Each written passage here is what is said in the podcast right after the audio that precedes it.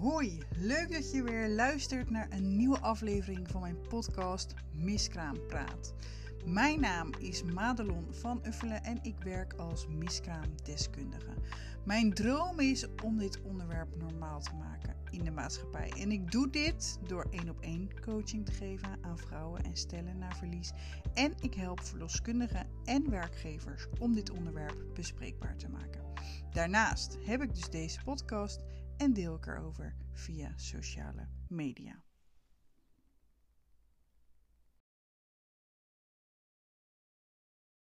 In deze aflevering deel ik mijn hersenspinsels met je over wat het verschil is tussen begeleiding van een verloskundige aan iemand met een miskraam en begeleiding van een uh, miskraamcoach. Um, want ik sprak namelijk met een verloskundige en zij triggerde iets in mij. Uh, dat gesprek is inmiddels zo'n anderhalf jaar geleden, misschien al zelfs wel twee jaar. Ik weet het niet meer zo uh, goed. Volgens mij was ik nog uh, in opleiding en ik had daar dus een gesprek over met haar. En zij zei toen iets, een zin die mij heel erg triggerde.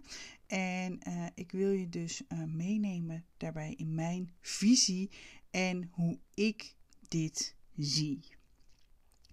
Ik weet niet meer letterlijk wat ze nu precies zei, maar het kwam erop neer dat zij vond dat er niet per se meer miskraamcoaches nodig waren, dan wel dat er vooral meer verloskundigen nodig waren die aandacht besteden aan het onderwerp en uh, aandacht besteden aan begeleiding aan vrouwen na verlies.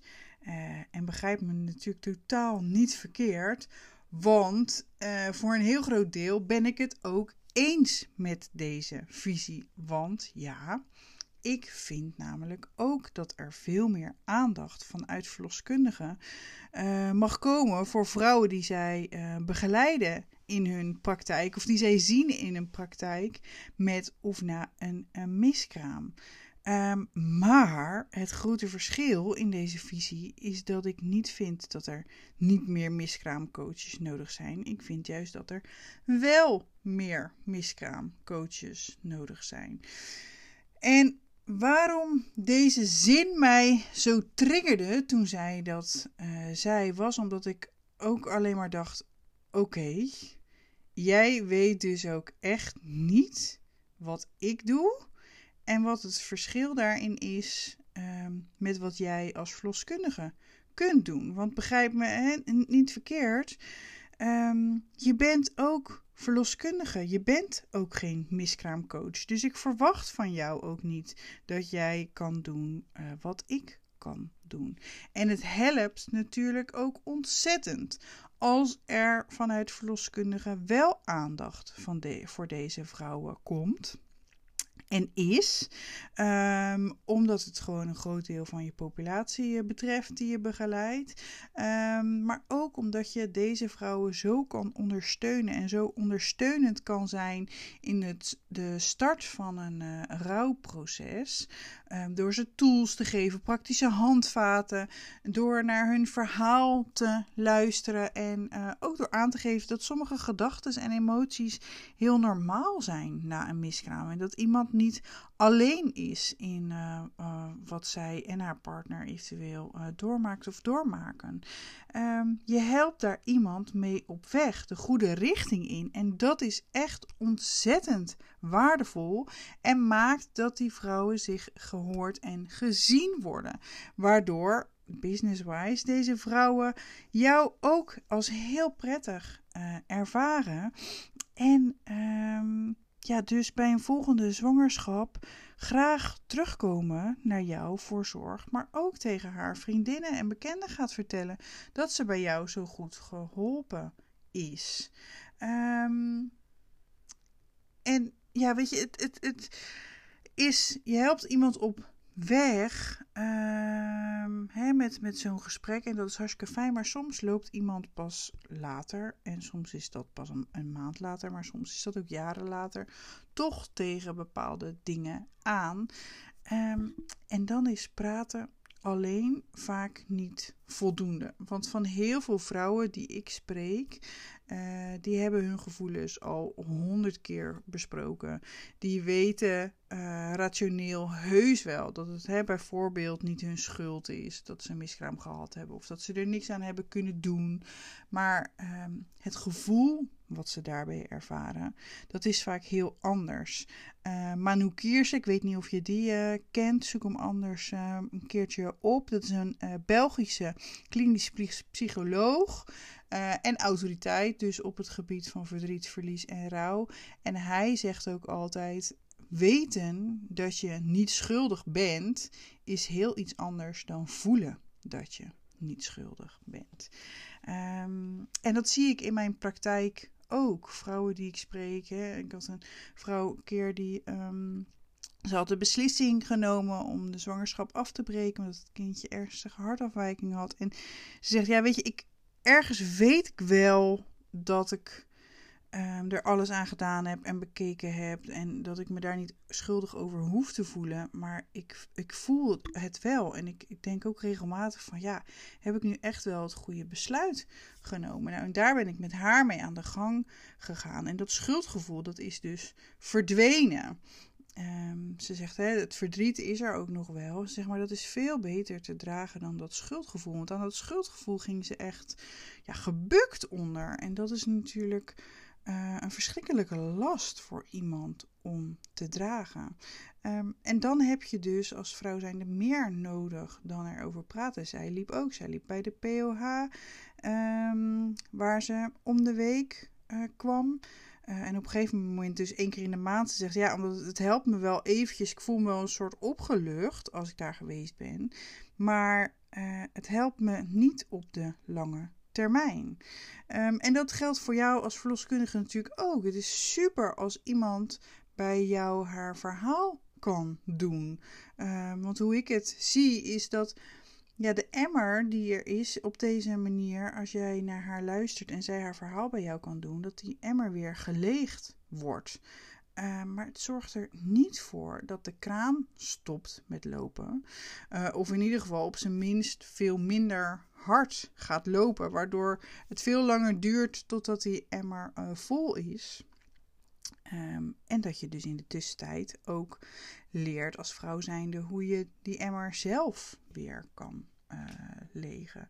Uh, bovendien spreek je dus als verloskundige die vrouwen die, uh, waarbij de emmer vol loopt ook niet altijd omdat je je zorg natuurlijk gewoon beëindigd hebt. Wat heel logisch is en wat ook denk ik heel nuttig is om te doen. Want het is jouw rol en jouw taak denk ik ook niet om uh, eindeloos hè, in, in dat opzicht contact te houden met zo iemand. Je bent ook verloskundige. Dat is wie jij hè, bent, jouw rol. En dat stopt ook op een gegeven moment.